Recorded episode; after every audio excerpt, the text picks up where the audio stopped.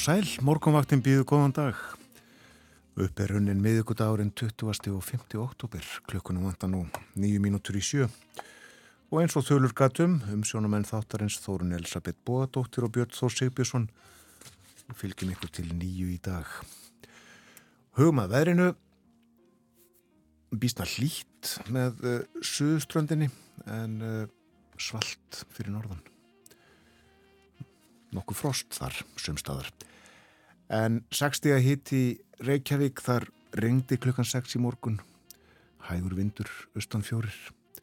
En er ólaga á viðratúðanastöðinni á Kvanneri en í stikkisólmi er þryggjastega hitti það var heiðskýrt klukkan 6 og austan fjórir. Tvær gráður á Patrísfyrði og Lok. Tvær gráður og þrýr metrar í Bólungavík Hiti við frostmark á Hólmavík, hægur vindur, fimmstega frost á Blönduhúsi. Tveggjastega hiti við Söðunisvita, fjórastega frost á Akureyri, heiðskýrt þar, suðaustan 1, 2 metrar á sekundu í mestu kviðu. Þryggjastega frost á Húsavík sem og á Rauvarhöfn, tveggjastega frost á Skeltingstöðum og fimmstega frost á Eilstöðum heiðskýrt þar.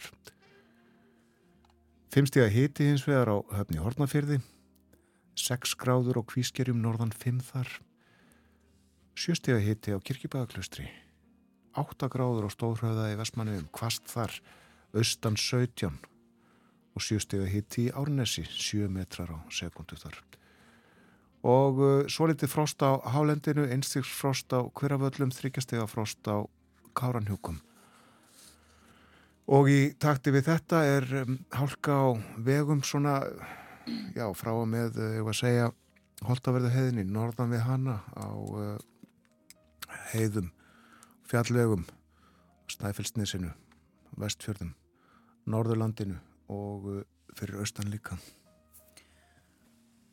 Og horfurnar í dag, austlæg átt 3 til 10 metrar á sekundu en 8 til 15 siðst. Bjart með köplum og yfirleitt þurft en lítilsáttar væta á söðaustur og austurlandi. Hiti 2 til 9 stegi við daginn, mildast sunnan til. Og það segir í hugleginga veðufræðings að við áttum mikið lægð sé nú langt söður af landinu og muni stjórna veðrinu næstu daga.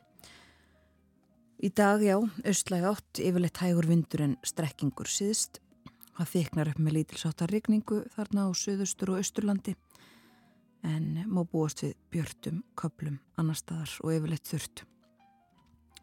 En teki fram þó að Suðvestanlands gæti orðið vart við vætu fram eftir mótni og það var rigning snami morgun eins og við heyrðum. Það eru litlar breytingar að sjá til morgun, segir svo í hulöðingu veðufræðings og á förstu dag er áfram útlitt fyrir sveipað veður en þó mun heldur bæta í vind við söður ströndina. Á lögata verður svo alltaf 15 met, verða alltaf 15 metrar á sekundu kvassast við suðurströndina. Stökuskúlir eða, skúrir eða jél á suðaustur og austurlandi, bjartað mestu um landið vestanvert og hiti 0 til 7 stegi við daginn á, og þetta er fyrsti vetradagur, lögadagur á sunnudag, þá kólnar í veðri. Veturinn helsar með þessu og verður kallt dagana þar og eftir hiti um eða yfir frostmarki að deginum á mánudag og þriðudag. Jarðskjálti varði morgun löst eftir hálf sex norður af Grindavík grendið Þorbjörn meldist 3,9 og uh, margir smerri skjáltar hafa mælst á Reykjaneskaða í nótt. Ætlaði þetta á meðvokarrúf.is fyrirsögnin nokkuð öflug jærskjaldar hérna á Reykjaneskaga en uh, engin merki þó um gós og róa. Já, uh, 20. og 5. oktober í dag, uh, það þýðir að sá 20. og 4. er að baki, hverna verkvallið í ger, talið að jáfnvel 100.000 manns hafi verið í miðborg Reykjavíkur á Arnarhóli og, og umhverfisann allan í ger og uh, fjöldi fólks, uh, fjöldi hvenna kom saman líka út um all land á 30-40 stöðum eða svo. Við fjöldum aðeins um þetta í þættinum í dag, förum betur yfir dagskrána eftir fréttinnar, það er eh, fjóra mínútur í fréttir og uh, tími til að uh, hlusta á Núr Jóns Come Away With Me syngurum.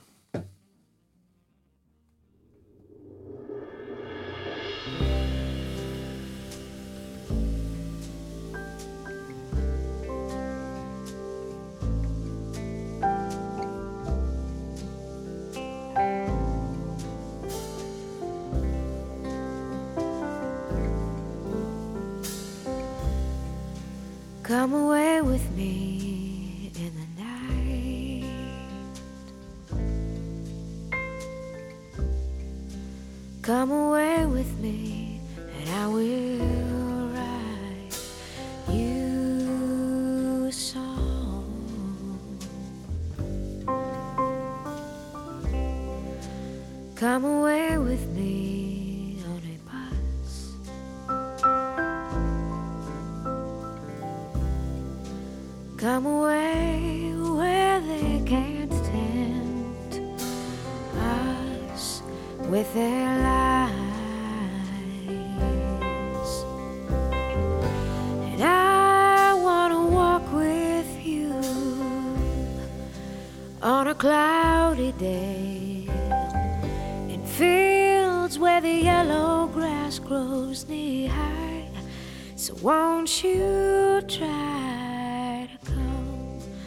come away with me and we'll kiss on a mountain top. Come away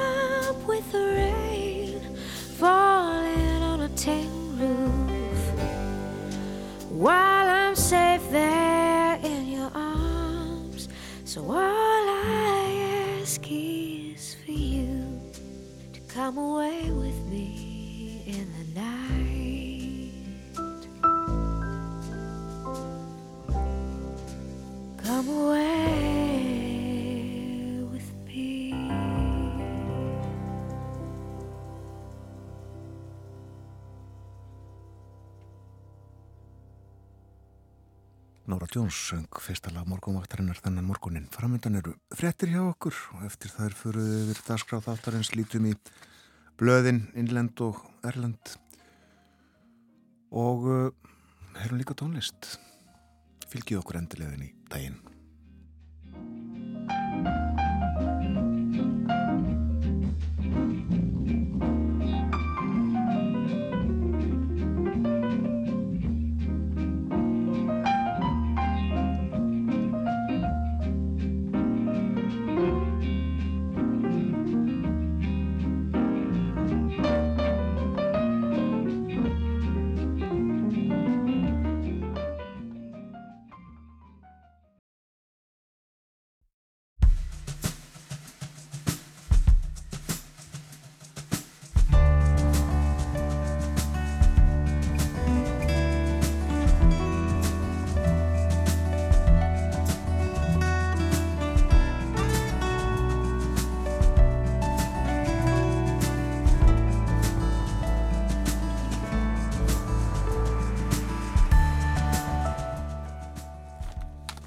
Dag. Morgunvaktin helsar miðvíkudaginn 20. og 5. oktober. Umsjónamenn eru Björn Þór Sigbjörnsson og Þórun Elisabeth Bógadóttir. Og í þettinum í dag þá fjöllum við svolítið um kvennaverkvallið í gær. Við ringjum til Húsavíkur og Víkur í Myrdal. Konum hvernig gekk, forveitnust um uh, áðurb og annað heyrum af þáttöku, áhrifum á samfélögin og þar fremdi göttum. Viðmælendur verða aðalstætt Baldusson, formaður framsýnar í Þingaðasíslum og Nikól Lei Mósti, leikskólakennari í Vík. Eftir morgunfrettir verður Borgþór Artgrímsson hjá okkur og segir okkur frá því sem er efstópu í Danmörku. Stjórnmál, óveður og konunglegt afmæli eru meðal annars á dagskroni. Og í síðasta hluta þáttarins þá ætlum við að reyna að átt okkur á grunnatriðum þeirra listar að rekna út almanakið með fingrunum. Við ætlum sérst að fjalla um fingrarím. Gunnlaugur Björnsson, stjarnælisfræðingur og höfundur Almanags Háskóla Íslandsverður hjá okkur upp úr hálf nýju. Það er ágættis veður, uh, hægur vindur og hlýtt þó að það rigni. Undantekningin er alveg siðst á landinu þar sem er svo litið kvassara. Þannig verður þetta líka í dag áfram en ætti að stitta upp sumstaðar þó að það verði svo lítilsáttar væta á söðaustur og austurlandi þegar líður á daginn. En það er við áttu mikið lægð uh, söður af landinu sem að stjórnar veðrunu í dag og næstu daga. Það verða litlar breytingar að sjá uh, til morguns og á förstu dag áfram útlitt fyrir sveipað veður. Þá mun þó bæta í vind við söður ströndina. Og um helgina á lögadag er fyrsti vetrardagur og uh, það kólunar í veðri strax á sönnudag. Fyrstu dagar vetrar verða kaldir viðast hverjum landið eða um eða rétt yfir frostmark. Og morgun er nokkuð svalur á uh, norður helmingi landsins, fjóra steg af frost til dæmis á Akkurýri klukkan 6 í morgun, fimm steg af frost á Blönduhúsi, fimm steg af frost líka á Egilstöðum, en uh, lít með suðuströndinni 7 og 8 steg að hitti semstaðar og uh, hálka á heiðum og fjallvegum á norður helmingi landsins. Við lítum í blöðin, byrjum á morgunblæðinu og uh, þar á forsýðu fymdálka mynd þar sem að uh, sjá má eins og segir mannhaf, kvenna og kvára á kröfufundi. Já, alveg ótrúleg þáttaka og þessum uh, útifundi á við Arnarhól í Reykjavík í gær uh, talið að uh, kannski 100.000 hafi verið þarna samankomin og uh, rifin þá upp að í landinu búa 400.000 manns. Og ef við leggjum svo við þetta uh, þann fjölda sem að sóti fundi annar staðar á landinu heldur, í, heldur í Reykjavík að, að já, þá er þetta bara með ólíkindum þessi þáttaka og uh, svo er að vonast til þess að þetta verði til einhvers En uh, þetta er stóra málið á fórsíðu morgunblæðsins í dag. Uh, svo er líka sagt hér frá viðtali sem að uh, dagmál hlaðvarp morgunblæðsins á við oddvita ríkistjórnarinnar, ríkistjórnarflokkana, formenn þeirra, Bjarnar Benediktsson, Sigur Inga Jóhansson og Katrínu Jakobsdóttur. Stjórnin endur nýjaði erindið, segir fyrir svo. Og Þau eh, ræðaði þessu viðtali um samstarfsörðuleika og hvernig oddvitatir hafa unnið saman að því að þjætta raðirnar. Og ímislegt eh, sem að er þarna undir líka uh, meginverkefni ríkistjórnarinnar er að hveða verbulgu niður og treysta efnahagsstöðuleika og þau þrjú játa að kjaraveturinn framöndan getur verið erfiður en segjast bjart sín á að úr rætist Gott, við sjáum líka inni í blæðinu hér á uh, svona afmælis og viðburða opninni að uh, Stefán Snævar, professor í heimsbyggi, professor emeritus er 70 í dag og rætt við hann. En uh, 75 ára er Reynir Pétur Steinunarsson hann fættist í Reykjavík en eh, fór fimm ára á sólheima í Grímstessi og hefur starfað þar sem gardirkjumadur. Ég er enn í því eh, sem er bara ágætt og er í sæmilugu formi, segir eh, Reyni Pétur. Ég er með rafskutlu og ef ég þarf að kaupa mikinn mat og burðast með hann heim, þá notur hann hana. Rafskutlan fer bara 15 km á klukkustund en ég á líka rafmagsjól og það fer 25 til 30 á 25 til 30 km hraða og ég fer á því sólheimar ringin þegar veðrið er gott, segir einni Pétur. Og uh, svo er ganga hann uh, ringin í kringun landið reyfið upp, uh, þetta var 1985, hann var 32 daga að ganga ringin. Tilgangur göngunar var að satna fjöð til byggingar á Íþróttaleikúsi sem að síðar var reist á sólheimum og uh, gangan auðvita eins og við munum vaktið þjóðaratikli og átti stóran þátti að breyta hugsunarhætti landsmanna hvað var þar fólk með ímiskona föllun. Og Reyni Pétur heldur auðvitað upp á ámalið í dag, 75 ára ámalið, gerir það á grænu konunni á sólheimum klukkan 2. Til hamingi með ámalið, Reyni Pétur. Þetta var úr morgumbleðinu, lítum aðeins í Erlend blöð og fjölmiðla. Byrjum á uh, breskublöðunum í dag, þau eru flest með uh, fréttir frá uh, eða af Ísrael og Palestínu. Uh, fréttirnar sumar koma frá New York þar sem að Öryggisráð saminuði þjóðana fundaði í gær um stöðumála um, þar sem að meðal annars Antonio Gutierrez aðal framkvæmdastjóri tjáði sig hjælt ræðu og uh, sagði að uh, meðal annars það hefðu verið já þessar árásir Hamas á þann 7. oktober hefðu verið skjálfilegar en að það réttlættu ekki það að refsa öllum óbreyttum borgurum á Gaza.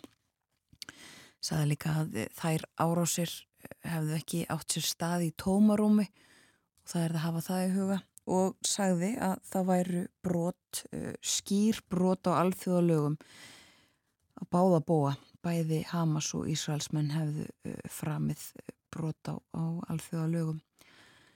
Og uh, þetta, þessi ummæli hans vöktu hörð við bröð Ísraelar, uh, held ég með að segja séu bara brjálaðir yfir þessu. Og það er svona útgangspunkturinn á mörgum blöðunum í Breitlandi að Ísraelsmenn hafi um, bröðust ókvæða við þeirra sendi herra fyrir saminuð þjóðunum sérstaklega þeir vilja uh, Ísraelsmenn að Gutierrez hætti uh, segja af sér vegna þessara ummæla. En það er þannig að neyðaraðstóð kemur í mjög litlu magni til Gaza. Það komu samkvæmt fréttum nú í morgun átta vörubílar af neyðaraðstóð í í nótt eða í gerðkvöldi uh, þeir þyrtu að vera minnst okkursti hundrað vörubílarnir á dag til þess að uppfylla þarfir og uh, það hefur verið greint frá því líka að uh, eldsneiti sem að þarf að nota til að uh, búa til orku það sé á að þróttum komið uh, spítalar og gasa hafa hægt uh, allir starfsemi nema bráða þjónustu og saminuðu þjóðunar sem eh, eru þarna að störfum og deila út uh, neyðaraðstóð segja að, að þeirri vinnu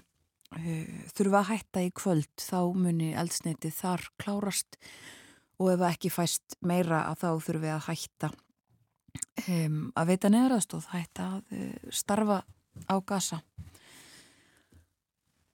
og Ísraelsmenn hafa sakað Hamas um að hamstra og uh, taka það eldsneiti sem að til er og hefur verið á gasa í sína þái en uh, talað um þetta já, það þarf uh, eldsneiti til þess að uh, halda hlutunum gangandi. Og Ísraelsmenn segjast hafa gert árásur yfir 700 skotmörk á gasa undan fyrir tvo daga. Og eh, eins og við heyrðum í frettatímanum áðan þá sagt frá því að minnst ákosti 8-10 hafi látist eh, í síðustu árásunum. Og það er líka svo við förum aftur í fórsýður breskublaðina eh, það er ótrúlega mynd sem var tekin af 85 ára gammalli konu sem var Gísl Hamas í 17 daga og sagði frá uh, reynslu sinni í, í gær. Hún uh, fór þegar búið var eða verið var að afhenda hana uh, hjálpar starfsfólki og tók í hendina á einum Hamas leðanum sem að hafiði haldið henni uh, í göngum, undir göngum uh, í 17 daga á gasasvæðinu og uh, merkileg fréttamind að sjá. Hún uh, óskaði þeim friðar. Saði frá reynslu sinni saðist uh, hafa gengið í gegnum helviti en enga síður að, að það hefði verið já, að mestu ekki illa komið fram við gíslana og hún heldi að allavega þeir gíslar sem að hafðu verið með henni væru í ágætu ásakomalegi. Aðeins af öðrum fréttum um, heldur en þessum það eru líka auðvitað ímislegt uh, á segði í Úkrænu það er sagt frá því í uh, fjölmjölum, það er á fórsöðinu á uh, politíkan í Danmörku til dæmis í dag af svona úttækt á, á þessari gagnsókn sem að lengi var talað um hjá úkrænumönnum og sagt að, að þessi sumar gagsókn þeirra hafi farið þannig að þeim hafi ekki orðið ágengt nema um 90 metra á dag og það sé eh, eiginlega ekki að uppfylla eh, markmið Úkrænu hers. Nú þurfum við að eh, gera allt tilbúið fyrir næstu gagsókn, segir í, í frett politíkan og uh, líka sagt frá því fjölmjölum að það sé verið að uh, ganga hús úr húsi í illalegnum þorpum í söður og austur hluta Úkrænu og uh, stjórnvöld þar hafi fyrirskipað fluttning mörg hundru barna frá þessum svæðum. Um, það sé verið að reyna að sannfæra foreldra þarna um að það sé komið tími til þess að flýja umfangsmiklar loft ára sér rúsa á þessum svæðum Nú að síðustu þá ætla ég að nefna um, republikana í bandarísku fulltrúadeildinni því við höfum fylst með því máli. Þeir uh, völdu í gær nýjan uh, frambjóðanda til fórsöta Thingsins, Tom Emmer heitir hann frá Minnesota. Það endist ekki lengi, það voru einhverjar fjórar klukkustundir held ég frá því að, búið var að ákveða að hann er því næsti frambjóðandi þánga til að hann var uh, búin að draga sér tilbaka eftir harða gaggrinni frá Donald Trump fyrirverandi fórsetta og, og uh, öðrum sem tellist lengst til hægri í flokknum. Og þá kom upp úr krafsinu Mike Johnson frá Louisiana sem hefur undar verið í þessum eh, frambóði áður. Líkunar á því að honum farnist eitthvað betur eru ekkit endilega miklar. Eh, það á að kanna hversu mikinn stuðning hann getur fengið. En eh, republikana búinir sem sagt að hafna þremur hæst ráðendum sínum uh, í þinginu. Það er vitnað í þingmannin Ronny Jackson, uh, republikana frá Texas í fjölmiðlunum Politico í morgun og hann segir og kjarnar þetta þannig við verðum að finna einhvern sem er nægilega klókur til að fá 217 atkvæði í þinginu en nægilega heimskur til að vilja starfið. Kominga heim. Þau í matvalarraðunettinu notuðu Hvernig var ekki er til að upplýsa að Havransóknarskipið sem er í smíðum í Víkó spán, á Spáni það uh, eh, munir hljóta nafnið Þórun Þórðardóttir. En skip Havransóknarstofnar heita í dag eins og við vitum Bjarni Sæmundsson og Átni Fridriksson en Þórun mun leysa Bjarna af Hólmi. Skipi verður sjósett núna um miðan desember og uh, fær þá nafnið formlega og uh, enginnistafina HF300 en uh, það er svo enn ár þar um byl þar til að kemur til Íslands. Þórun Þórðardóttir hún var uh, sérfæðingur á sviði svifþörunga hjá Hafanarsóknarstofnun frumkvöðull í sjáar lífræði og uh, á vef Hafanarsóknarstofnar byrtist greinumanna í uh, februar 2021 á alþjóðlegum degi kvenna í vísindum. Og þar sagði um Þórunni að uh, hún fættist af einastöðum á Grímstæðaholti í Reykjavík, hún fættist 1925, ólst upp í Reykjavík, lög studentsprófi frá MR 1944 og helt utan til náms við Lundarháskóla og uh, namn síðan við Blindren í Óslo. Laug náminu í Óslo 1955 með uh, gráðu sem sjáar lífræðingur með svið þörunga sem sér grein. Hún var svið þörunga fræðingur. Og að námi loknu kom Þórun til starfa hjá Hafransóknarstofnuninni, það var 1956. Eh, Þá hétt stofnunin raunar atvinnudeild Háskóla Íslands fiskidild. Og hún var fyrst íslenskra kvenna til að verða sérfræðingur á sínu sviði í Hafransóknum og þurfti oftar en ekki á allri sinni þólinnmæði og umburða lindi að halda til þess að standa á sínu í því karla veldi sem að þá ríkti á þessu fræðasviði. Þórun vann við sitt sérsvið allansinn starfsaldur hjá stopninni og lengst af sem deildarstjóri á þurrungdelt. Og Þórun var frumkvöðull í rannsóknum á svið þurrungum í sjófið Ísland og eitt helsta afreikannar voru rannsóknir og mat á heldar frum framleiðinni svifþurunga á Íslandsmiðum en uh, það er ju undistaða fæðukæðju hafsins og hún var meðal fyrstu sjáar lífræðinga til að nota svo kallaða geislakols aðferð til að meta framleiðinni í sjónum og Þórun aðlagaði þá aðferð að íslenskum aðstæðum og enn í dag eru mælingar hennar í fullu gildi. Niðurstöður um ásframleðinni sviðþörunga á hafsvæðinu byrti hún í vísindagreinum á samt upplýsingum um framvindu gróðurs á svæðinu eins og lesa mátti úr þeim gögnum sem hún sapnaði. Og ritsmíðar hennar um svifgróðurinn í hafinu urðu margar, byrtust bæði í íslenskum ritum og á erlendum vettvangi. Og Þórun var afar vandirk vísindakona, hafði góða yfirsýn yfir fræðasviðið Hún var virki í alþjóðlegu samstarfi og skildi betur en flestir aðrir þörfina á að ebla þekkingu á undistuðum lífsins í sjónum. Hún var vakin og sofin yfir rannsóknunum og þegar hún fór heim eftir langan vinnudag á stofnunni þá tók hún oftar en ekki með þessi bunga af gögnum og fræðigreinum til að líta í á kvöldinu.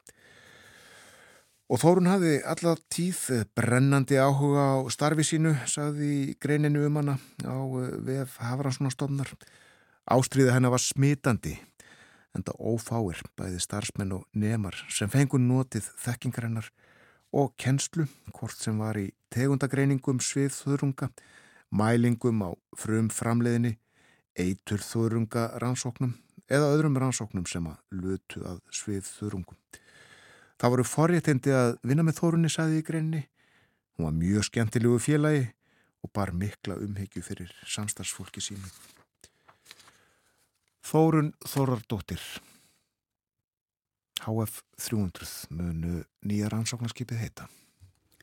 Hlustum á smá tónlist, þetta er Stína Ágústóttir, Vorið og Tómið.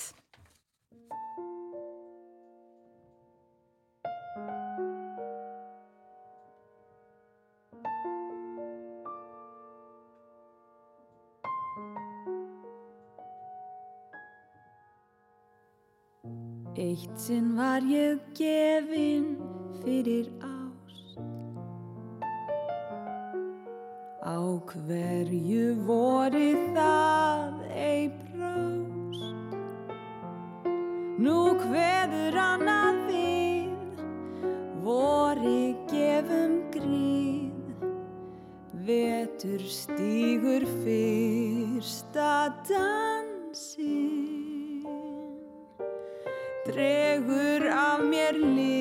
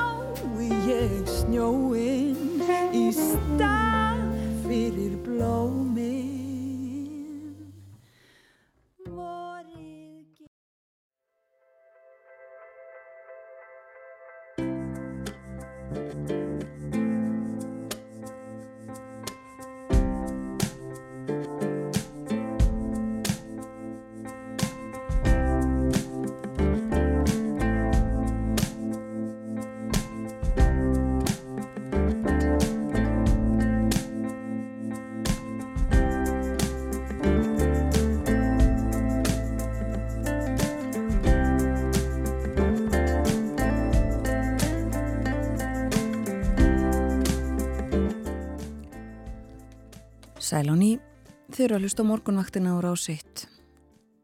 Það er miðugudagur í dag, 25. oktober og klukkan liðlega halv átta. Og við minnum á það að eftir frettinnar klukkan átta verður Borgþór Argrímsson með okkur og segir okkur frá ymsu sem að rættur um í Danmörku þessa dagana. Stjórnmól eh, auðvitað á dagskráni, þar er eh, ímislegt um að vera ræðum líkum óveður og konunglegt afmæli og sitt hvað fleira. Og í síðasta luta þáttarins þá ætlum við að reyna átt okkur á uh, því hvernig maður reiknar út almanakið með fingrunum. Fingrarím heitir það og Gunnlegu Björnsson stjarnælisfræðingur og höfundur Almanaks Háskóla Íslands hann uh, verður hjá okkur og ætlar að reyna að útskýra þetta fyrir okkur En næstu mínuturnar ætlum við að ræða um atbyrði gerðdagsins.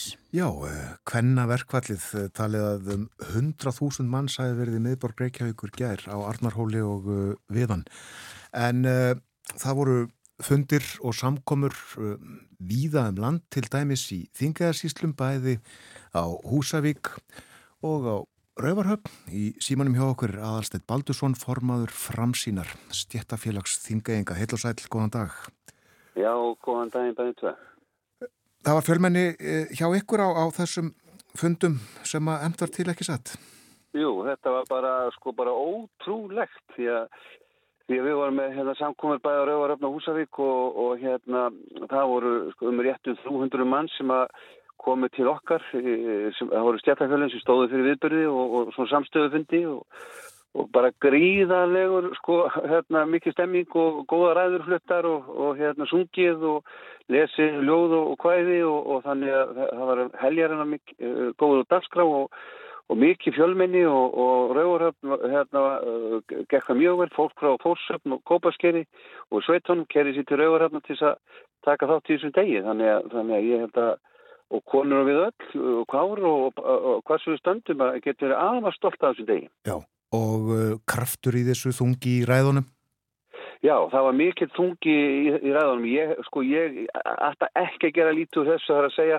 Ég veit að þetta mun skila konum og kváru og, og hérna, öllum uh, áfram uh, bara inn í þessa baróttu, jafnrættis baróttu sem að veitinu ekki af og, og hérna, já, fjöldin sem er eins og fyrir sunnan og okkur að að húsækja skuli komið 300 manns, það, það er, er afreg sko. Já, tekur þú eh, sem formaður eh, framsýnar eh, eitthvað sérstakt út úr þessu og með þér inn í kjaraviðræðarna framöndan? Já, ég gerir það, vegna þess að bara samstæðan, uh, samstæðan, þetta er sko, innan verkefnisegingunar þurfum við á samstöðinu að halda og þarna sáum við samstöðu uh, þessa hóps sem kom saman í gær við um land og ég held að við getum nýtt okkur þetta og Og ég vil reynda að ganga svo langt að ég vil að, að þessi dag verði bara gerður af almennu frítegi og það verði bara sett inn í kærasamlinga að þessi merkilegi dag sé bara almennu frítagur og með þurfi ekki að karpa um það hvort það með geti eða leggja nöðu vinn eða, eða, eða eitthvað annað heldur bara það verður bara tekið inn í kærasamlinga þetta sé bara frí, almennu frítagur eins og bara frítagur vestlunumanna og, og, og, hérna, og fleiri slíki dagar. Frítagur uh, bæðið hvenna á að kalla þá? Já, þann, já bæði, bæði kalla á hvenna vegna þess að hérna, menn þurfa ju að standa saman og er, það er bara þannig að meðan að konur eins og gærlöðinu vinnu þá voru kallar út um allt að, að, að hérna, leggja niður vinnu til þess að bara geta sínt heimili og, og, og öðru sem að því fylgir að eins og var í gær, Ísland var lama, það leitt í gær og, og það komið hlut kalla að sjá um, sjá um heimili og börn og annars sem bara sko beðlegt og er bara nútíminn í dag. Var mikil röskun uh, í samfélaginu á Húsavík? Já, það var, það var, það var bara mjög mikil röskun í, á Húsavík og, og hérna í Sveitónum og, og, og alls það er kringum okkur. Það var, já, mjög mikil röskun. Þannig að uh, þér sínist að þetta hafi bara tekist alveg eins og, eins og til var ætlast og kannski betur ótrúlega þáttakaðu þetta? Já, það er sko, það er ótrúlega þáttak en síðan getur við náttúrulega sko, þurfum við kannski að fara eins líka sko að horfa að því ég hef náttúrulega mjög mikla reynslu úr uh, hérna verkefnisreyfingunni og, og ég sé alveg sko það er heist að hátt í ofinbjörn stafsmennum og er það vel en, en sá hópur sem er, já, settur stendur hvað lang, lang vest í dag það er, eru konur, ellenda konur í, í ferðarþjóðstu Íslandi. Það er, það er bara skellulegt ástand við það uh, hvaða þennan hóp varðar og mér finnst að menn þurfa að fara að horfa til, svolítið á þennan hóp og við í reyfingunni þurfum að verkefnisegingunni sem eru með þessa einstaklinga innan okkar raða að, að hvað sem það eru konur að kvára að þá, þá er það þannig að við þurfum að, að fara að láta okkur heyra miklu miklu meira því að þarna er ástandi lang lang vest. Og þessar konur eru bísna margar á ykkar starf, starfsvæði er það ekki? Það eru öflug ferðarþjónusta í, í Þingaðarsíslunum? Jú, jú, það, hún er mjög öflug hjá okkur og, og, og, en þá er náttúrulega er ég að horfa að landi allt vegna þess að þessi hópur er til þúsundir og sem kemur hér til starf og er hér annarko tímabundi eða e, til lengri tíma og það er sem bara, veist, þú getur farið hvort sem það er Egilstaði, Ísafjörðu eða Selfos eða Vestmanni eða hvað þá Reykjavík og svo Norður til Úsækur og það er náttúrulega mikill fjölda af þessum, þessum, þessum uh, konum og kárum sem, sem eru hérna sem, a, sem a, eru já, sett og standa mjög illa. Hvað þarf að gera? Uh, er nóg að hækka launin eða?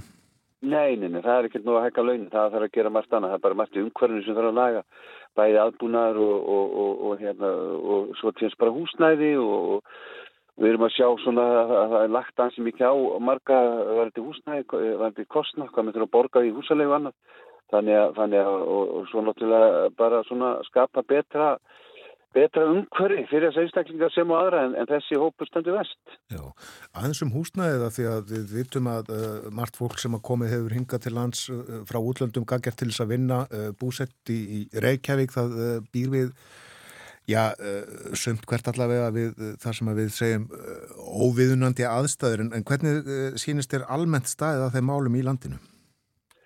Sko því við erum á skipta því alveg upp í veist, nokkra flokka og allt frá því að það er bara velhugsaðum fólk og, og það hérna, býr við góðar aðstæður og, og, og ódýrt að ég hafði frýtt húsnæði það er að segja að fólk kemur hér gaggi eftir þess að vinna dímanbundið á verðtíðum eins og yfir sumarið í ferðarhustunni upp í það að við eins og bara blasir við okkur og fréttir hafa sínd okkur eins og höfbrukarsvæðinu og, og fleiri stöðum þar sem, að, þar sem hérna, fólk hefur hinnlega brunni inni og sem að má kenna og ofti vera er fólki innarhúsnæði sem á ekki er ekki hérna, íbáðarhúsnæði heldur innarhúsnæði og, og, og við sjáum og vitum að, að, þessu, að það er víða mjög slæm aðstæða og sem að og ég meina það að við Uh, sko það er stundu verið að gaggrina eftirlit þeirnaðin í landinu en, en það er alveg ljóst að við erum langt á eftir hvað það varðar að fylgjast miklu betur með aðbúnaði fólks og hvað þá húsnæði.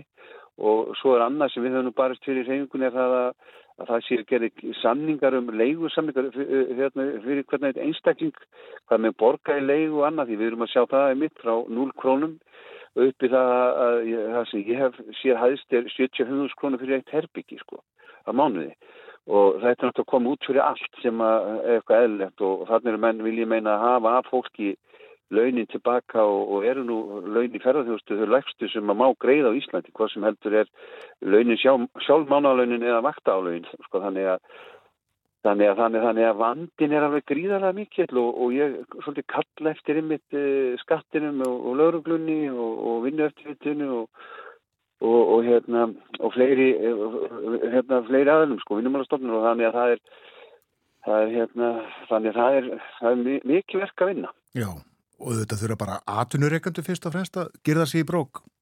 Það er rétt í þetta er sko við værim ekki með þessi vandamáli ef að, að aðtunureikandu væri að standa sig. Það er Það, það er alveg, það er alveg ljóst, það er rétt en, og, og bestu er náttúrulega við þurfum ekki á neitt eftirlit en við búum bara ekki þannig landi að við þurfum ekki á eftirlit að halda sko. Nei, heimurinn er ekki alveg fullkominn. Nei, þannig það ekki. Alsteinn áðurinni hverðig eh, í eh, dagmálum morgunbladsins eh, er rætt við Oddvitaríkistjórnarinnar og segir hér á fórsvíðu Mogans þau játa kjaraveturinn fram undan geti verið erfiður en segjast Bjart sín á að úrrætist. Er þú bjart síðan á að úrrætist hafa jú mikið verið talað um og uh, ofta að þessir samningar hljóti að verða mjög erfiðir. Já, sko aðal vandamáli í dag er ekki verkefliðsengin. Aðal vandamáli er það að það vantar hér uh, hérna Það vantar að sko betri efnagstjórn og ástæðan fyrir því að við erum svolítið að sigla og erum í þessari alltaf verðbólganin náttúrulega eins og hún er og stýrivextirnir eru í söglu hámarki og, og, og þetta er vegna að það er óstjórn og það er kannski má flokka það og ég vil flokka það þannig að það er, það er náttúrulega ríkistjórnin högtir, það er, er óeiningina ríkistjórnarinn og komið upp málundafæri sem eru erfið ríkistjórninni og menn hafa eiginlega verið svona, svona, verið svona kassmál hver tala verum eh, ráðfæra sko, uh, úr hvaða flokken er. Og þetta er búið að vera svolítið, það er komið stjórnleysi og síðan sjáum við samfélkinguna maður upp í, í hérna, hérna vinsaldum og, og það er ákveðin hlæðisla við það farið bara í kostningar en, en það sem ég á hvíði mest núna er það að mér finnst uh, hérna ríkstjórnin búin að missa tökina og efnaðs stjórnunni og, og það sé kannski það stóra vandamáli sem blasir við núna og, og svo veit ég ekki alveg á hvaða vegferð Sælabankin er. En við erum klár og við munum gera okkar besta til ná hérna, fram, sam, fram kærasamningum og sem að hóstiltum kærasamningum sé ég. En til þess að svo getur þurfa stjórnvöld og Sælabankin að aðeins að hérna, koma til mótsjókur og, og, fara að taka á þessu málu með okkur. Við gerum það ekki einn.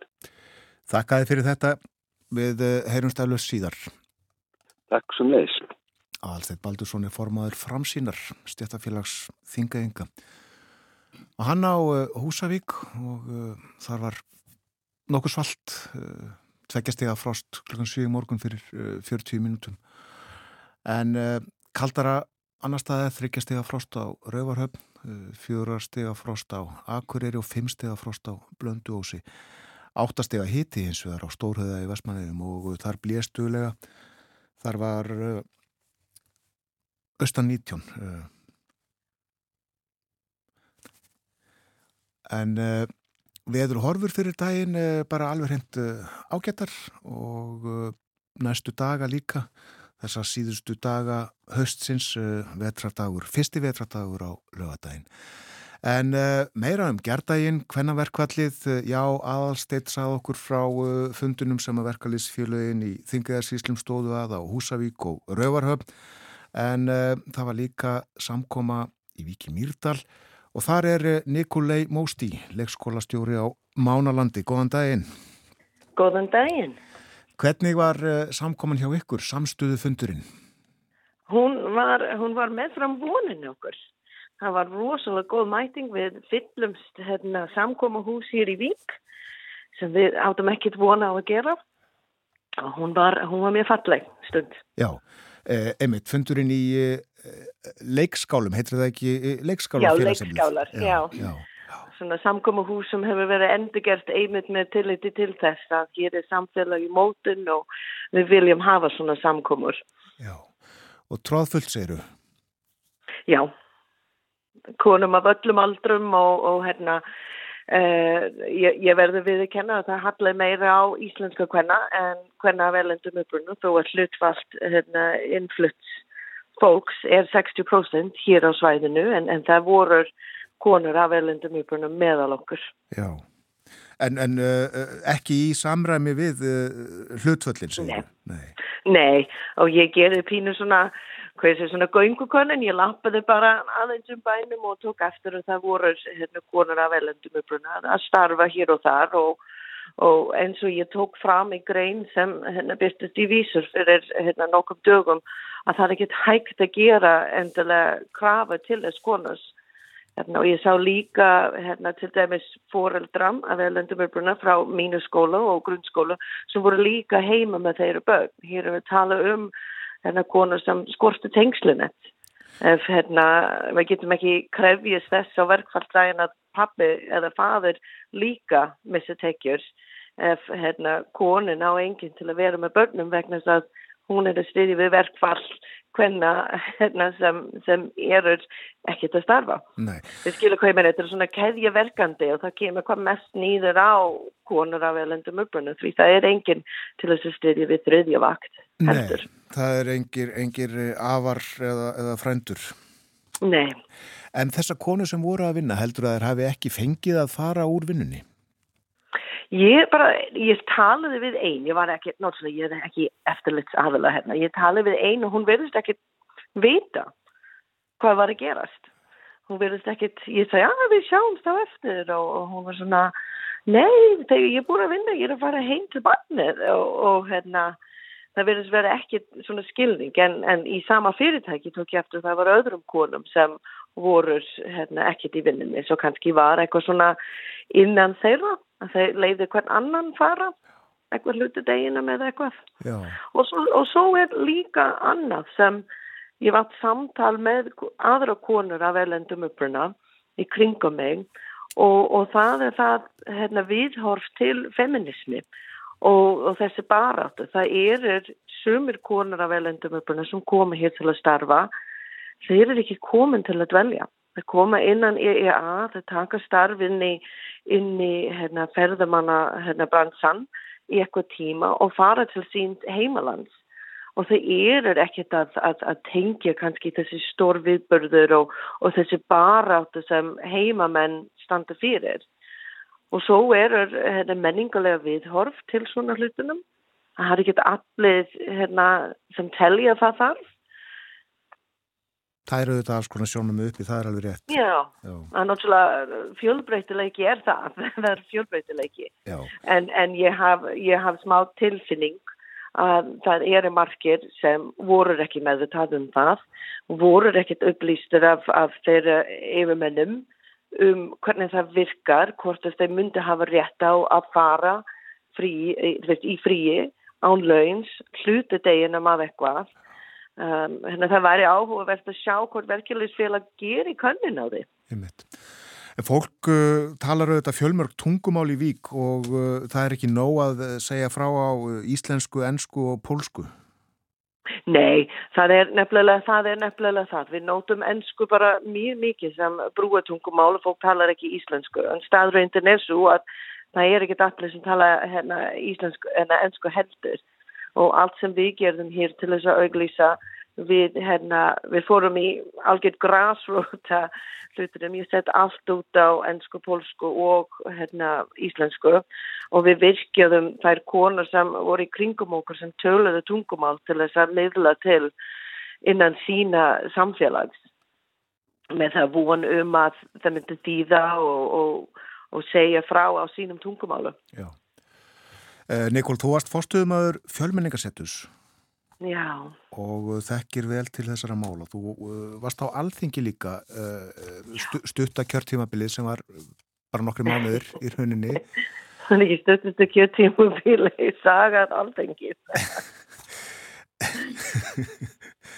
en hvað hva finnst þér, hvernig finnst þér stjórnvöld ná utanum uh, þessi mál, uh, sko svona stóra myndin eins og blasir við þér, hvernig tökum við á móti fólki og, og hvernig hjálpuðu fólki að lifa? Hæ, segja þetta áttur?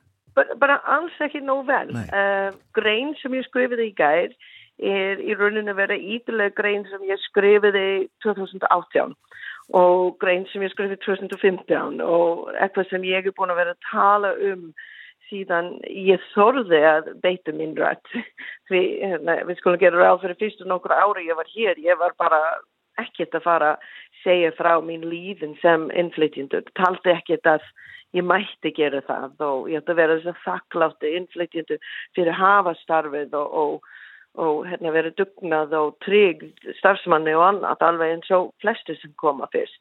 En nei, yfirvald hefur ekkert staðið sér nægilega vel. Uh, nú er það uh, í flíti að vera að gera hérna, loksins stefnu í máluflokka Það var sett að stað hópur uh, síðustu þegar fjölmenningssettur verið lagt nýðu. Það voru sett af hérna, stafshópu til að búa til hérna, stefnin sem á að vera byrst í februar Já. í máluflokka. En á meðan það gerist þá er Ísland með hæsta hlutfalt innflytjendur sem er virk þáttakendur í atvinnumarkaði.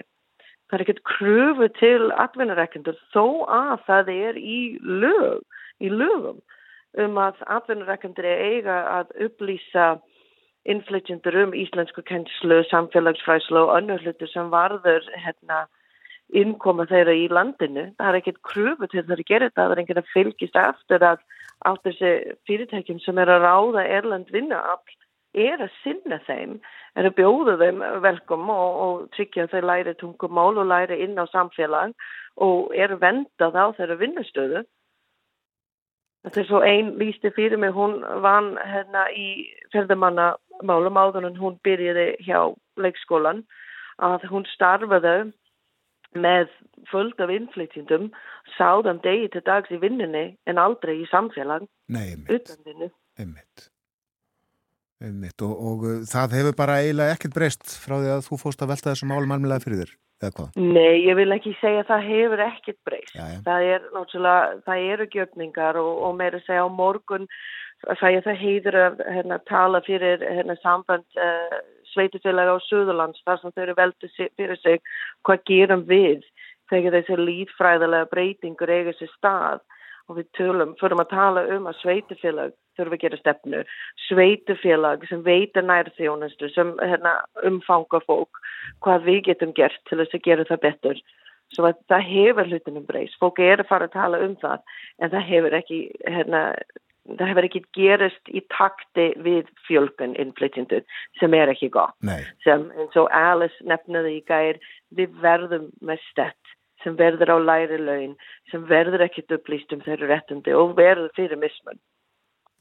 Og við verðum með starfsfólk sem starfi hjá sveitufélag og fyrirtækjum sem eru kannski ekkit með hérna, menningunæmi er ekkit búin að fá aðstóð við hvernig þau vinna með fjölbreytti kúnahópa eða fjölbreytti samstafshóp og það er mjög mikilvægt. Þetta er mjög mikið kunst í því og við sjáum Norðurlöndum er að gera það. Já, en þannig að, að það má segja þá að við, við séum á réttri leið en þetta gengur alltaf óskaplega hægt Já, við verðum bara spýtu í lóunum, er það ekki? Spýtum í lóuna, ég veit það. Há fleiri innflytjendur hérna, í hérna, stjórnmál og í stjórnunastöðu, þetta fyrirmyndir hún þarf að vera til staða og svo, og svo það að það er hlustið á okkur. Að, hérna, það er hlustið á við, við erum, þar sem við erum að segja, tekiðu miða því og gjörningur komin að stað. Þetta tökum við með okkur inn í daginn. Kæra þakki fyrir spjalli Nikól. Og takk sumulegis Björn, eigið þig góðan dag. Þakkaði kellega fyrir það. Nikolai Mósti, hún er leikskólastjóru á leikskólanum Mánaland í í Myrdal og komað skipulagningu samstuðu fundarins í Vík í gær hvenna verkvallinu. Var á þingi eins og ég nefndi á hann fyrir uh, bjarta framtíð líklega. Það líður að fréttum hjá okkur. Já, ég nefni það líka að áður en við töluðum við Nikól, þá var í símanum hjá okkur frá Húsavík Adalstedt Baldursson formaður framsýnar sem að saða okkur frá samstöðu og kröfufundunum sem að haldnir voru á Húsavík og Rauvarhöfn mættu um 300 manns á, á fundin á Húsavík ef við skildið alltaf rétt. En eh, framöndan eru fréttir eftir þær verður. Borgþór Argrímsson með okkur, við ætlum að tala um það sem er efstabau í dönsku samfélagi þessa dagana og uh, svo klukkan hálf nýju þá ætlum við að gera hérna uh, svolítið tilraun á uh, okkur og hlustundum svo sem líka. Við ætlum að reyna að læra svona undistuðu atriðin í fingrarými. Það er ótrúlega þetta er ótrúlegt fyrir bara í fingrarými að sé að þetta rekna út einhvern veginn á fingrunum og í lóunum hvernig almanakið leggur sig. Gunnlaugur Björnsson stjarnalersfræðingur verði með okkur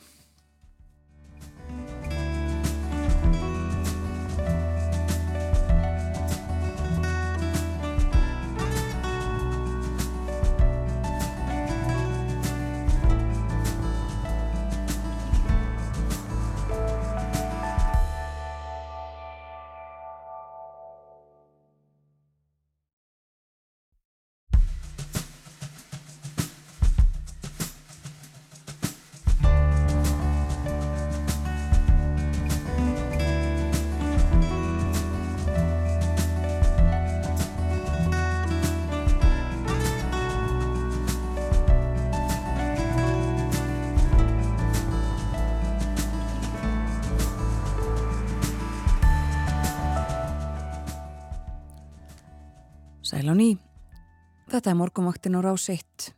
Klukkan tæpar 6 mínútur gengin í nýju og það er meðvíkudagur í dag, 20. og 5. oktober. Frettinnar að baki. Fyrir þær þá rættum við um hvernaverkvallið í gær. Töluðum við þau Aðalstein Baldursson, hann er formadur framsýnar, stjættarfélags þingeinga. Hann sagði okkur frá fundunum, bæði á Húsavík og Rauvarhöfn í gær sem voru velsóttir rétt eins og baráttufundur í Viki Mýrdal sem að Nikoli Músti, leikskólastjóri í Vík, sað okkur frá. Og á eftir kemur til okkar Gunnlaugur Björnsson, stjarnilegsfræðingur og uh, hann heldur líka utanum um, Almanak Háskóla Íslands. Hann ætlar að segja okkur frá fingrarými þessu uh, flókna en uh, mjög aðtiklisverða fyrirbæri sem að hægt er að nota til þess að reikna út almanakið. En uh, nú er komið um fjöllunum uh, dönsk málefni Borgþór Argrímsson komin í þáttin. Góðan dag. Já, góðan dag. Við ætlum að spjallaðum eitt og annað eins og við gátum um í kynningu hér fyrir morgun en byrjum á hvenna verkfallinu á Íslandi í gerð. Það rataði dönsku pressuna, er það ekki? Jú, það gerir það. Ég sá þetta nú á nokkrum stöðum. Það var svona bara all ítalega umfjöllum bæði hjá Damarsradio og Politíkan þar sem að þeir sögðu frá þessu og þessu mikla viðburði sem að, sem að í vændum væri því að þetta kom allir í, í miðlunum í gerð morgun Já. og um, svo sá ég að, að Damarsradio þeir fylgdu þess eftir í, í gerðkvöldi með svona stuttri frásögn af þessum fundi og öllum fjöldan sem hafi verið þarna. Já. Tala um þetta sem alveg einstakann atbyrð náttúrulega, svona rosalega mæting. Já, uh, sko fyrsta fréttin var auðvitað uh, í fjölmjölum út í heimi að þetta stæði til Já. og uh, svo hefur þurft að segja auðvitað frá því að, að eitt fjórði þjóðarinnar kom saman á einu fundi í Reykjavík. Já, það er alveg mjög líkindum auðvitað, fyrir utan þá sem voruð á landi. Já. Akkurat. En þeir voru nú ekkert að tala um eitthvað kvár, kvöldu utan og bara hvenna frídag. Já, nefndu kvárun ekki, nei. Við viljum að fara í uh, önnur mál, það er ímislegt að frétta frá uh, Danmörku. Uh, hvar ætlum við að byrja? Alltaf sé ekki rétt að nefna fyrst brott hvarf Jakobs Elemann Jensen að vettvangi stjórnmálana, stór frétt í, í Danmörku. Hann held fréttamann að funda á mánudagin þar sem hann tilkynnti að hann, hann segði hér og nú skilið við stjórnmálinn. Hann hætti sem ráðherra, hætti sem þingmaður, hætti sem formaði venstri og fóð bara heim, sagðan. Það við setja á þingi frá 2011. Já. Og við höfum nú áður talað um Jakob Ellemann Jensen. Það hefur ímislegt verið honum mótrækt síðan hann tók við formennskunni í venstri. Þú sagðir hann hefur setjað á þingi síðan 2011, hann hefur verið formaður í, í nokkur ár. Hvað síðan 2019? Já, já, það er rétt. Hann tók við formennskunni eftir að Lars Lökke sagði af sig sem formaður og, og Kristján Jensen hætti þá líka sem varaformaður og það er alveg rétt. Það hefur fátt gengið honum í hægin síðan hann tók við. Flokkurinn tapaði miklu í síðustu kostningum ekki síst kannski vegna þess að Lökke hefði stopnað eigin flokk og það hefði líka Inger Stauberg gert sem hefði verið varaformaði flokksins um tíma, ábyrrandi formaður, hún hefði verið í fórustu sveitinni og þau tóku til sín all mikið fylgi og, og um, það hefur sjálfsagt vegið þúnt. Eitt af, í, í fylgistapinu, eitt af kostningarlofordum Jakob Selimann fyrir síðustu kostningar var að hann og Venstre myndu aldrei farið stjórn með Metti Freiriksen. Það var nú valla búið að telja búið kössonu þegar hann var búin að gleyma þessu lovorði og hann myndaði svo stjórn með Metti og þetta hafði nú ekkit allir fyrirgefið og hann var semst, varnamólar á þeirra í stjórn Metti og var að forsættis á þeirra, ennbætti sem ekki hefði verið til áður. Hann fór í veikinda frí, í februar þessu ári og, og kom tilbaka 1. ágúst og nú er hann semst hættur. Já, og uh, hvað sagðan um ástæður þessa brottkvarfs úr stjórnmálum? Hann sagði að persóna sín, hún væri fann að flækjast svo mikið fyrir venstri að uh, það væri ekki neitt annað að gera fyrir sig en að, en að uh, hverja þetta því að flokkurinn gengi nú fyrir öllu. Hann tók sérstaklega fram að ákverðin um að hætta hún tengdist ekki helsufæri sínu. Hann væri fyrst og fremst og síðast að hugsa um flokkin. Já. Uh, Jakob Ellemann er ekki eini Ellemann sem hefur verið í pólitík í Danmarku.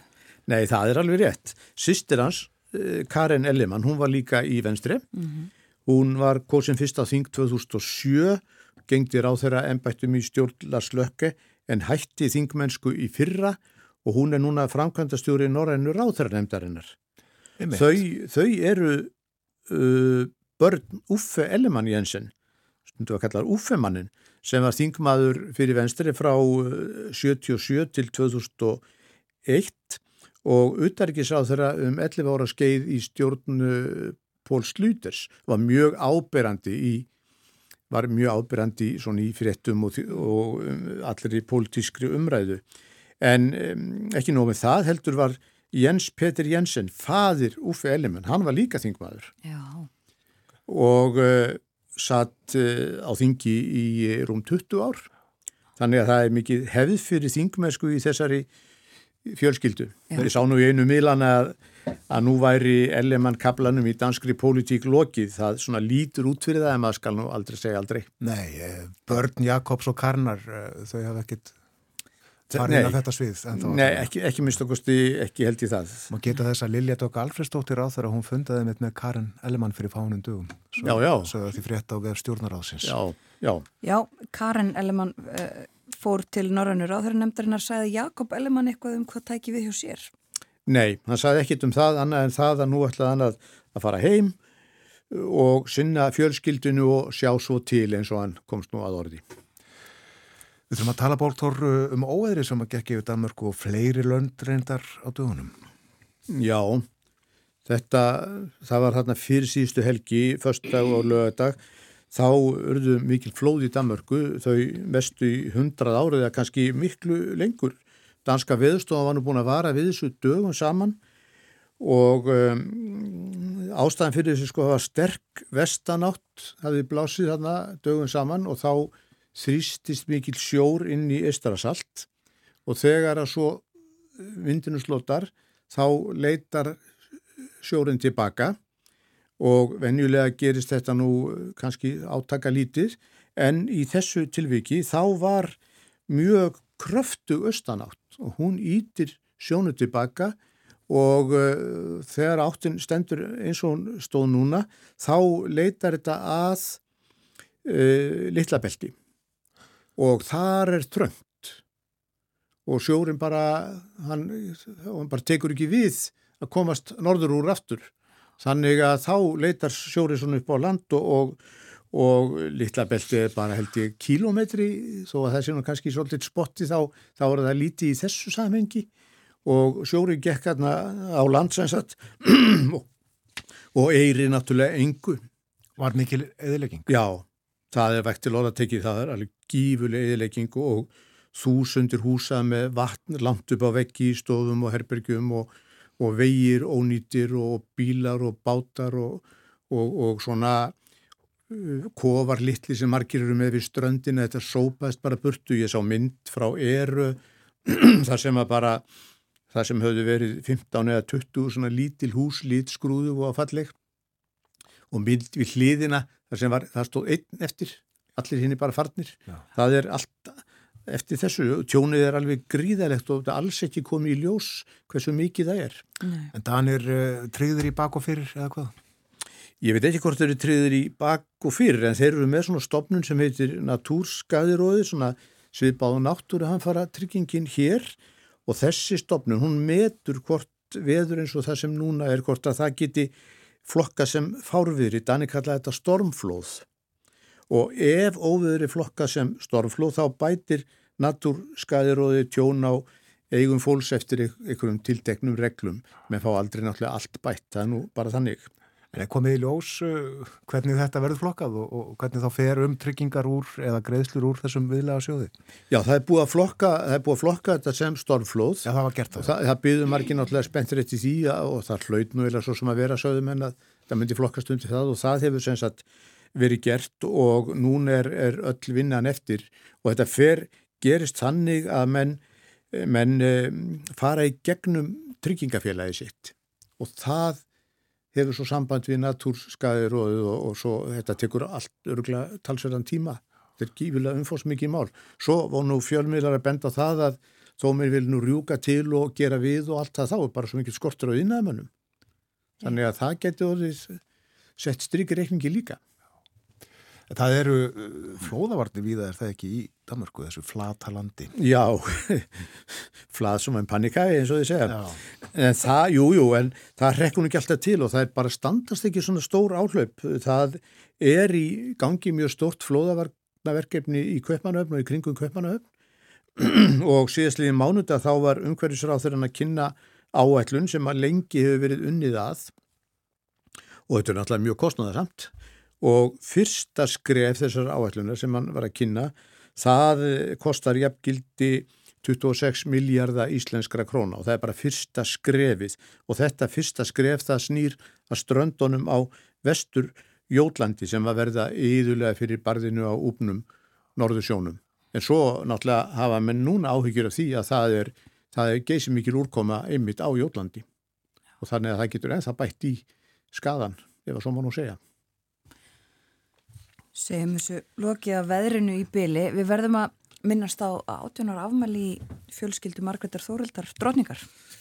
Já, eh, prins Kristján, eða Kristján prins, segjum við nú bara, hann var 18 ára núna 15. oktober og það var mikið um dýrðir, þetta er svona dagurinn þegar að menn teljast verið orðni fullorðnir og, og fyrir utan fjölskyldu og nánustu vini þá hafði því 200 ungmennum frá tveimu frá hverju sveitarfélagi Danmörku verið búið að taka þátt í visslunni sem var haldinn í Kristjánsborgarhöllinni. Já, var eitthvað sérstök ástæði fyrir því að þessum 200 ungmennum var búið?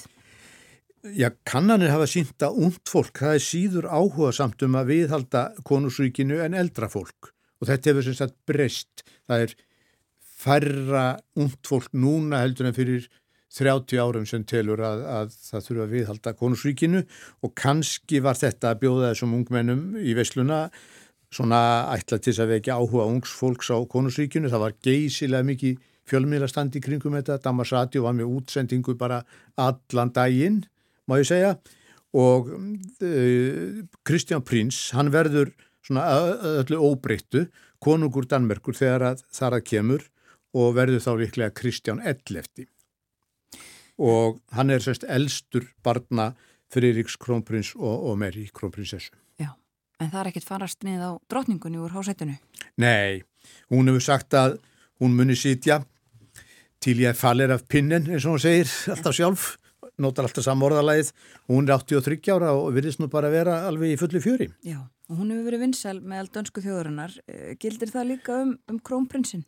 Já, Honum hefur nefnilega hægt og rólega tekist að vinna sér sess hjá þjóðinni og ekki spilli nú eiginkonan meri fyrir.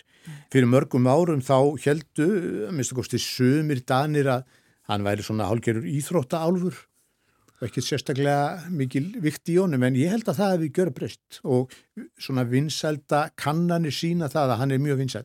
Hann var núna í stórri gallupkönnun talsveit fyrir ofan drotninguna. Það er svo leiðis, já. já.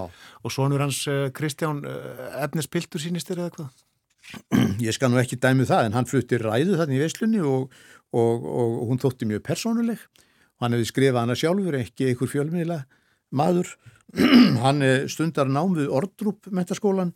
Hann er svo fyrsti í sögu konusjálfskylduna sem að sótti almennan grunnskóla, fekk ekki semst enga kjenslu heima í höllinni. Þannig að um, það er bara alveg ókomi í ljós svona hvernig hann plumar sig eins og sættir. Já. Við ætlum að ljúka þessu eins og mannlega á uh, sérvöldu lægi, dönsku lægi. Já, dönsku lægi. Það er nú spurning hvort að þetta lag dagsins sé danst eða kannski sænst. Sumir haldan og jáfnvel Íslandingar það sé íslest. Það er ekki vita eftir hvert þetta lag er sem á íslensku heitir Söngur villi andarinnar. En svíin Jóhann Bernhard Goffin er talin að hafa sami tekstan. Þetta lag var geysi vissalt á Norðurlöndunum áraunum eftir 1950 og Jakob Hafstein hann gerði mjög vel hefnaða svona þýðingu og staðfæslu á tekstanum og sönglæði sem sló algjörlega gegn þegar það kom út 1954. Hér er það nú í annari útsetningu og daldi mikið öðruvísi. Það eru dönsku harmonik drenginni sem spila þetta. Tvær harmonikur, gítar og trommur. Getur ekki verið betra. Getur ekki verið betra. Takk fyrir í dag, Borgur. Já, takk sem leiðis.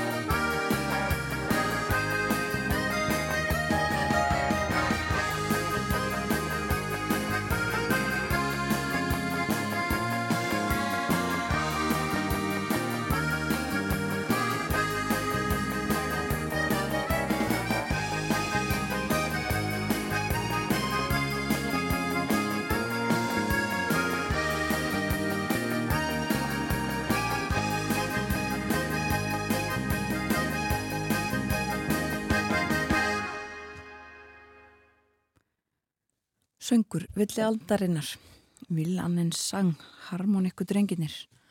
Með þessa útgáfa af því lægi sem við leikum í kjálfar spjallsokkar við Borgþór Artgrímsson, dönsk málefni á dagskróni, eins og annan hvert miðugudag hér á morgunvaktinni.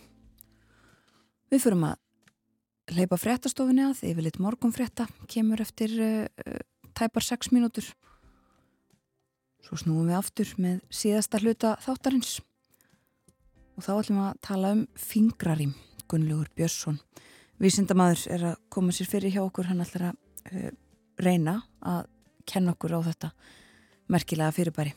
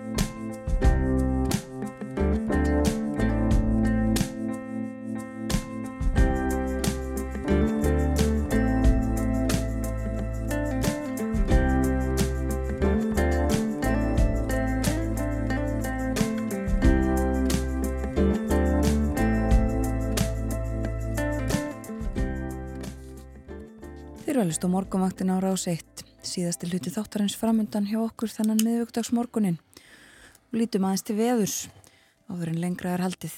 Það er austlæg átt 3-10 metrar á sekundu en 8-15 síðst á landinu. Bjart með köplum og yfirleitt þurft en lítilsáttar væta á söðaustur og austurlandi í dag og hitin 2-9 stig yfir daginn mildast sunnan til. Littlar breytingar að sjá til morguns og förstu dagar áfram útlitt fyrir svipað veður. Þó mun heldur bæta í vind við söður ströndina þá. Og lögadagar svo fyrsti vetradagur, þá verður austanátt áfram kvassast við söður ströndina. Hittin 0 til 7 stigi við daginn og svo kólnar í veðri á sunnudag. Þá verður fremur hægbreytileg átt, bjart með köplum og yfirleitt þurft og svo áfram kallt í byrjun næstu viku. Fyrir nokkrum dögum nefndu við fingrarýmst duttlega hér í þættinum. Tilefni var að þorrablótsnefndir á Östurlandi áttuðu sig ekki á hvenar bóndadagur er á næsta ári. Það er tóku ekki með í reikningin að í ár er rýmspillis ár. Það er ruggluðust í rýminu. Það orðatiltaki er eh, beinlinni streið að því að rugglast í útreikningi dagatalsins Rím er það kallað að rekna þetta út. Það var austurfrétt sem að saði frá þessu á sínum tíma. En já, rím, uh, það er hægt að nota fingurna til að rekna út almanakið eða tímatalið og það er kallað fingrarím. Okkur dætti í hugað forveitna svo litið um þessa aðferð, uh, líklega eru þau heldur fá sem að hana kunna upp á sína tíu fingur. Við höfum upp á Gunnlegu Bjössinni, vísindamanni við Háskóla Íslands. Hann hefur stundu komið í þáttin og talað um fjarlægar stjörnur og geimrannsóknir, það eru hans sérsvið, hann er stjarnæðlisfræðingur en hann kann líka, uh, já allavega grunnatriðin í fingrarimi uh, uh, nóg allavega til að gefa okkur einhverja myndaði. Velkomin til okkar Gunnlúur. Góðan daginn. Við höfum já hort út í geim saman í þessum þætti en, en allir núna svona lítið lóan á okkur. Mér finnst, svo ég bara segi það með ólíkindum að það sé að þetta rekna út almanakið með fingrunum og lóunum. Það þarf auðvitað einhverja þekkingu líka.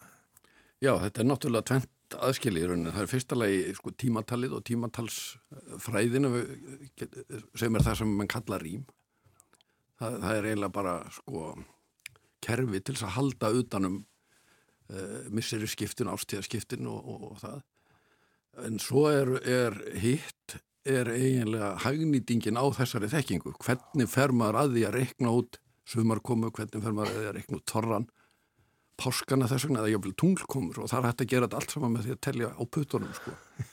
Þetta eru náttúrulega reiknuvelar gamla tímas og, og börn í skóla þau gera þetta líka þegar þau eru að byrja hérna, að læra reikninga þau nota puttana til að telja sko. Já, en uh, kannski veistu, uh, kunnu þetta allir hér á öldum áður? Þetta var mjög algengt hér sko áður fyrr og, og það er náttúrulega ástæðan var, var svo að mann þurfti að þekka gangtímans, mann þurfti að vita hvenar byrjar sumarið, hvenar kemur veturinn. Þetta er í gamla tímatalinu er þessi misserskipting, það er sumar og vetur og í þessu tímatali sem að menn hafa notað þessu gamla tali er, eru sagt, 12 mánuður en þeir eru með, það eru 30 dagamánuður og svo eru fjórar auganætur sem er skotið inn til þess að aðeins að nálgast það að vera eins og ástíðárið okkar sko, en það munar samt einum degi sko, þannig að öðru kvoru þarf að skjóta inn viðbótar dögum og það er það sem við kallaðum sumarauki, þetta er gert á, á sömurinn í júli, 22. 3. júli og þá er skotið inn 5-6 Eh, aukadögum, sumaraugadögum til, til þess að leiðrétta svona uppsapnaða skekki sko því að ef að þetta er ekki gert að þá færast eiginlega allar dagsetningar fram um einn dag á ári að því að það vantar upp á lengdina á, á gamla árinu sem að myndi þýða það að sumandagurinn fyrsti hann er því kannski 8. april en hann má samkvæmt reglunum núna fyrst verða sko 19. april og þá þegar mann lendi því að sumar dagurinn fyrst er fann að fara það framalega hann fyrir út fyrir leifilumörk þá skjóta mann inn uh, sumarauka til þess að færa nattar. Já, það hefur nú ekki verið neitt hæðaleikur að, að, að standa klára þessu öllu saman með lóan einn af opni. Nei, nei, þetta er náttúrulega bara æfing eins og annað sko núna þurfa mann ekki að gera þetta. Mann hafa þetta í símanu sínum eða í, í almanögum og, og út um allt og þurfa ekki eins og hugsa um þetta. Nema þegar að hérna undatekningarnar í tímatalinu verða sem að er akkurat á rúmspillisárum eins og árið í árið. Það rugglar menn í rýminu af því að, uh, að það sem gerist er sko að til þess að reglundan gangi upp að þá þurfum við að, fyrsta sem við þurfum að vita er sko hver er síðasti dagur síðast árs, það er það sem við kallum aðfara dagur ársins í ár. Og hann er sunnundagur fyrir, fyrir næsta ár þar að segja. Og svo þurfum við líka að vita er hlaupár á næsta ári? Og ef þetta tvent fer saman að þá kemur upp sko rugglingur þá, þá kemur upp rýmspillir og, og sem er verður til þess að allar vikur frá sumarauka þess að miður júli og fram að næsta hlaupári sem er árið eftir, það er sérst halvt ár það hliðrast um eina viku og það er svona dettur sko þorrin til dæmis aftur til 2007 sem almennt er ekki leifilegt eða sérst ekki inn í reglunum. Já, og einhverstað las ég að þessi rýmspillisár þau eru um það bila á 28 ára fresti. Já, þau eru það, það er maður getur hugsað um að það eru sjöfugdagar og það eru fjögur ára millir hlaupára þannig að fjóru sem 28 það er svona sirka Já. reglan Já. en það getur þó breyst ef aldamóta ár lendir hann á milli. Ég ætlaði að segja það það er ekki einu snett að ganga út frá því að þetta sé á 28 ára fresti það er sko, sirka Já, já, það er, jú, það er það almennt sko. en, en ef aldamóta ár kemur þarna í mildtíðinni þá, þá getur þetta orðið að 40 árum sko. en þetta er nógu langt til þess að eh, við sem erum uppi núna eh, munum eiginlega ekki þegar þetta var síðast 1995 sko. Og það er áður en að, áður en að netvæðing verður svona almenni eins og hún er núna og áður en menn fara að setja upp dagatalsýður sem er svo útgefundur og aðrir vitna til. Og þeir, þeir missa af þessari undantekningu og þess vegna kom upp þessi rugglingur með þorran til dæmis. Já. og e, það er svona, já, það er ekkit, ekkit skrítið því að þetta er það sjálfgæft að þetta er kannski tvirsvar, hugsanlega þrirsvar á mannsæfinu sem þetta kemur upp, sko. Já, En það er fingrarýmið. Já. Sko, þar, eru, þar er, er það ekki fingrunum skipt í einhverja hluta? Já, það vill þannig til að, jú, að fingurnir hafa þrjáliði Emitt. og, og einfaldasta útgáfan af fingrarými nota bara einn og, og til dæmis vísufingur og ef maður telur liðina innanfrá fremsti og svo mið og svo efsti og svo fer maður út fyrir og upp og nota svo fingurgóminn. Þannig að sko ef það er mánudagur, þriðdagur, megudagur, fymdagur, fyrstagur, lögadagur, sundagur það er akkurat sjö sem passar fyrir vikuna. Og þetta þróa menn svo þannig að ef menn aðeins kunna sko grunnreglunar í rýminu þá getur maður rekna út náttúrulega hvaða dagsetningu sem er ef, ef, ef þú spyrir mig hver, hvaða vikudagur var að segja 17. júni 1973 ég, ég tekka fram, ég, ég er ekki svo sjóaður í fingrarými að ég geti gert það en sko þetta þetta geta manni að tala út bara með því að nota eitt putta sko. Hvernig þá er sko, þetta gert? Ég við getum tekið dæmi um sumandaginn því að það er praktist aðrið sem allir sko allir hérna geta uh, munað held ég að bara útlutar sem sagt fingrinum dag, daga og byrjar á sunnudagi efst mándag, þriðdag, mögdag, fymta, fyrsta lögadagur eins og við vorum að tala um. Það eina sem við þurfum að vita til þess að geta fundið út á hvaða dagsetningu sumudagurinn fyrsti lendir er aðfaradagur ársins. Á hvaða, hvaða dagur var gamlastagur í fyrra sko. Þannig að á næsta ári ef við viljum vita hvaða hérna, uh, á hvaða degi sumadagurinn fyrsti lendir að þá vitum við að hann getur fyrst byrjað á 19. apríl því að hann er á fyrsta 50 dag eftir 18. apríl samkvæmt reglunum þannig að fyrstu mögulegi er 19. aðfara dagur árs, næsta árs er sunnudagur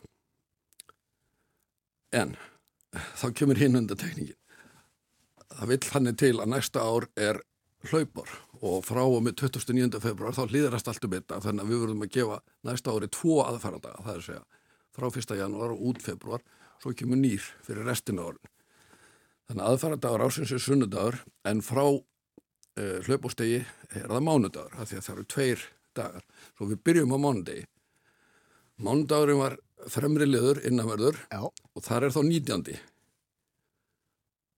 og uh, svo, svo er reglan svo með sömandaginn að maður telur alveg upp, í, upp á topp 19., 20., 1., annar, 3., 4., 5. Sömandagurinn fyrst á næsta ári er 25. april Já, nú skaltu aðtróða málið sko ef þú ert með Þetta er sannlega 23 sem þú ert með en, en hérna, 24 er hérna. já, já Ég held að þetta sé hárétt. Já, nefnilega það.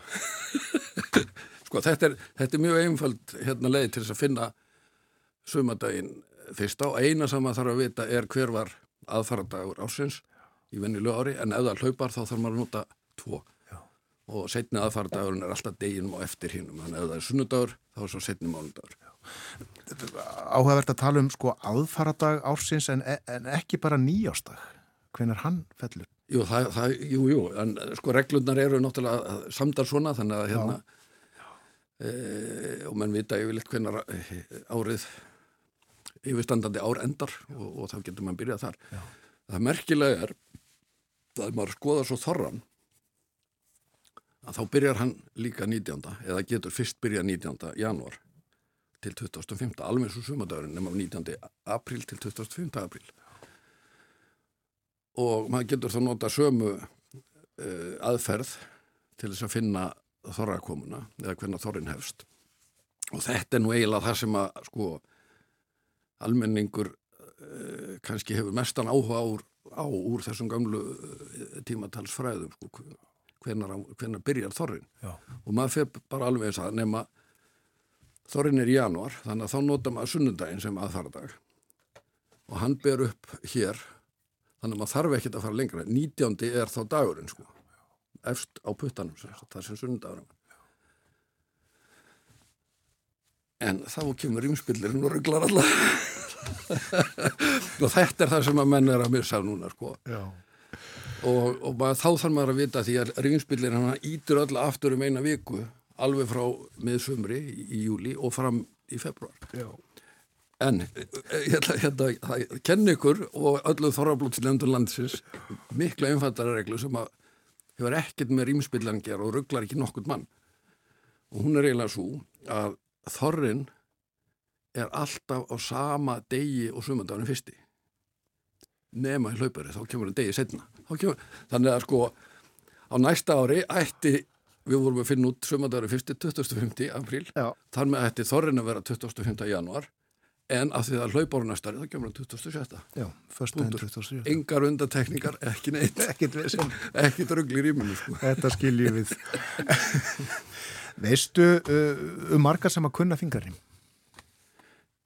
Nei, ég veit um eitt sem að kann, uh, kann þetta mjög vel og það er Þorstin Sæmursson sem að sá um útgáðu Almanags háskólans í 60 ár. Já.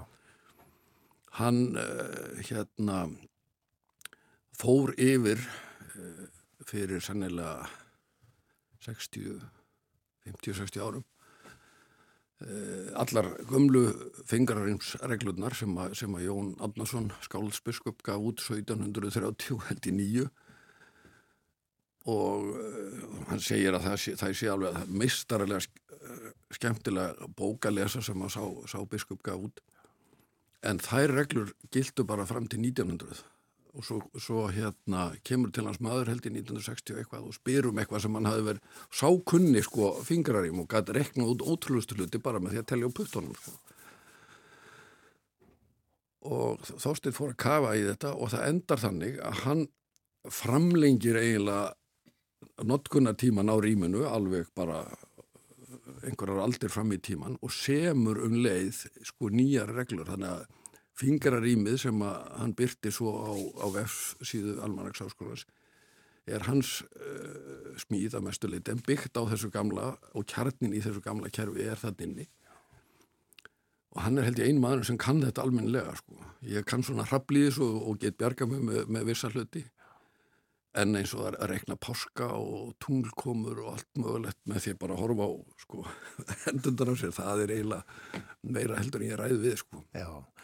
En það er hægt að uh, glöggva sér vel á þessu uh, með því að lesa greinarnas Þorsteins um þetta á uh, vefsíðu almanagsins. Já, já, já, þetta er, þetta er allum aðgengilegt og mjög vel útskýrt og myndskreitt með þessi og, og með dæmum þannig að maður getur prófað þessu áfram til þess að sjá hvernig þetta virkar og af hverju þetta virkar. Já. Þannig Af hverju, það er ekki, ekki síður mikilvægt að reyna að skilja og, það. og, og, og kjarnin í því er náttúrulega að muna eftir sko undantekningun, hvenar getur koma upp aðstæður þar sem að menn geta aðeins rugglast sko. Já, og þá er einmitt mikilvægt að, mun eftir fyrirbærinu rýmspillisár Já, Já, sem er í ár sem er einmitt og í kemur ár. svo aftur eftir 28 ára. Já, reglan helst á því.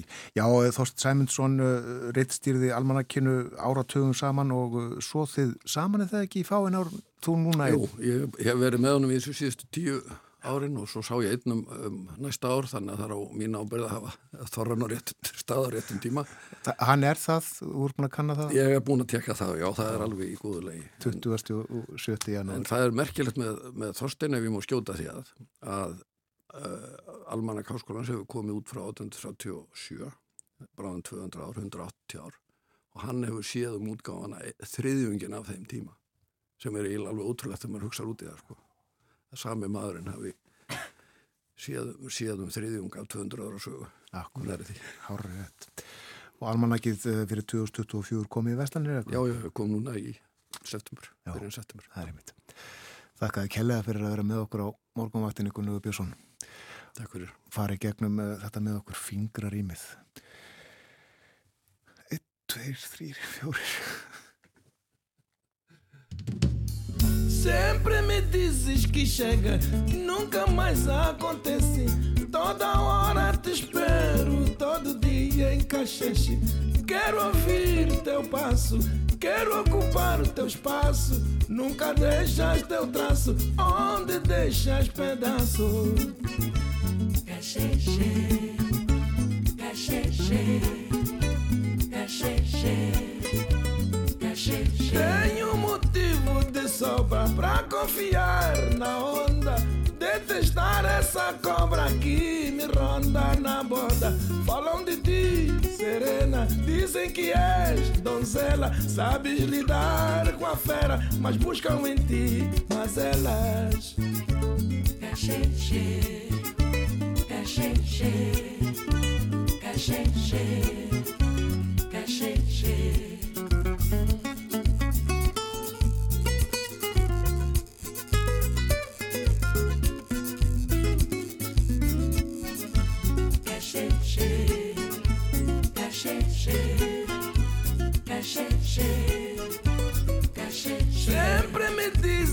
chegas, nunca mais acontece. Toda hora te espero, todo dia em caixas. Quero ouvir teu passo, quero ocupar teu espaço. Nunca deixas teu traço, onde deixas pedaço. Caxixi, caxixi, caxixi. Tenho motivo de sobra pra confiar na onda. Detestar essa cobra que me ronda na boda. Falam de ti, serena. Dizem que és donzela. Sabes lidar com a fera, mas buscam em ti mazelas. Yeah. Ai, Cacheche. Aiuê, aiuê. Cacheche. Vem pra me dar. Cacheche. Vem me buscar. Cacheche. Ai, ai, ai. Cacheche. Aiuê, Garina. Cacheche. Cacheche. I love you one cachê, Cacheche. ué you well? Outra vez. cachê. Toda hora, hein? cachê, Toda hora, hein? cachê. Nunca se entregue. cachê, aí ué toda hora? Cachê Tá se escondendo. cachê, cachê. Aí por quê? Bangue mono. Macandumbe. cachê.